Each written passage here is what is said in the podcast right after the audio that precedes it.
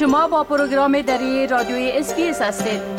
گزارشات عالی را در sbs.com.au دری پیدا کنید. شنونده های عزیز حال همکار ما زرمینه ظفر درباره موضوعات مهمی که ای هفته در وبسایت ما نشر شده معلومات میتن در صفحه اینترنتی SBS به زبان دری به آدرس sbs.com.au دری هر روز مطالب جالب و دانستنی درباره تازه ترین رویدادها و تحولات در بخش های گوناگون نشر میشه زرمینا جان زفر سلام عرض می کنم خب اولتر از همه اگر به صورت عموم بگوین که چی حوادث مهم رخ داده که در وبسایت ما هم نشر شده. سلام خدمت شما و شنونده های گرامی.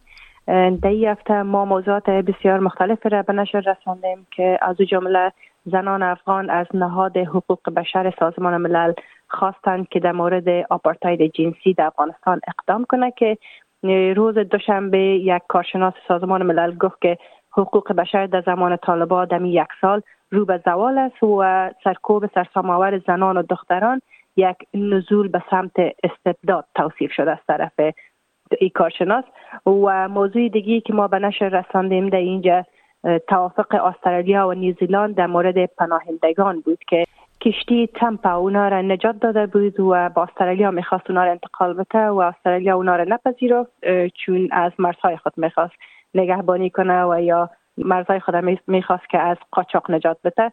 و نیوزیلند امرای استرالیا توافق کرد. در سال 2012 که ما از این مردم 150 نفرشان سالانه که به سه سال است. یا در نیوزیلند پذیرش میتیم که امسال 14 نفر از اونها را تا پایان سال به پناهندگی قبول می‌کنند. گزارش دیگی که ما نشر کردیم استرالیا با یک تابستان مرتوب و فصل بارندگی شدید دیگر روبرو خواهد شد امسال.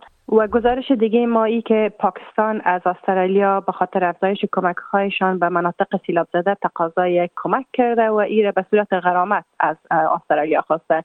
چون گفته که در سراسر پاکستان صدها هزار قربانی سیلاب ها در کمپ ها زندگی می‌کنه و پاکستان در نقطه, صفری کره زمین قرار داره و او در پخش گازهای گلخانه‌ای فقط یک فیصد نقش داشته ولی کشورهای دیگی که صنعت بسیار زیاد دارن اونا باید بر ما غرامت بپردازن. و گزارش دیگی که ما نشر رسان به نشر رساندیم ای که نقش سلطنت بریتانیا در استرالیا چی بود؟ که این یک پیوند رسمی و عاطفی با سلطنت بریتانیا فقط به گونه میراث او کشور در استرالیا حفظ شده. و گزارش دیگی را که ما به نشر رساندیم که اعضای خانواده زاکر افغانستان ترک کرده بودند و حال نیم تیم ملی رگبی را در آکلند نیوزیلند تشکیل میده که اونا حال قهرمانان هستند.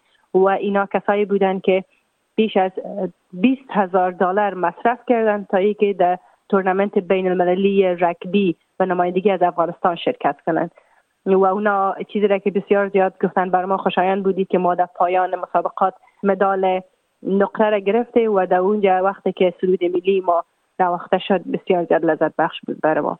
و گزارش دیگی ما رئیس سازمان جهانی صحت در مورد کرونا گفته که این بحران بسیار به زودی پایان خواهد یافت. و گزارش دیگی که ما به نشر رسانده بودیم درباره تازه های کووید در استرالیا بود و گزارش بعدی ما درباره ایست که 70 فیصد زنا زنای مهاجر در استرالیا توانایی ای را ندارند که هزینه های دکتر را بپردازند. بله. خب شما از اعتراض زنان افغان در کمیسیون حقوق بشر ملل متحد یاد کردین. میشه که در ای باره یک مقدار معلومات بتین؟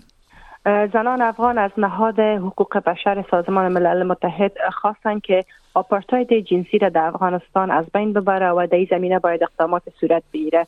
و گفت که امروز در افغانستان به نام حقوق بشر چیزی وجود نداره. زنا از صفحه اجتماعی افغانستان به صورت کامل پاک شده و قیودات بسیار زیاد سر زنان وارد میشه که حقوق بشر در اونجا باید تامین شود و نهادهای جامعه مدنی باید در زمینه عمل کنه.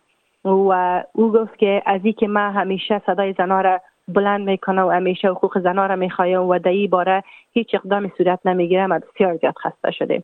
و یک گزارشگر ویژه در مورد وضعیت حقوق در افغانستان به نام ریچارد بنت.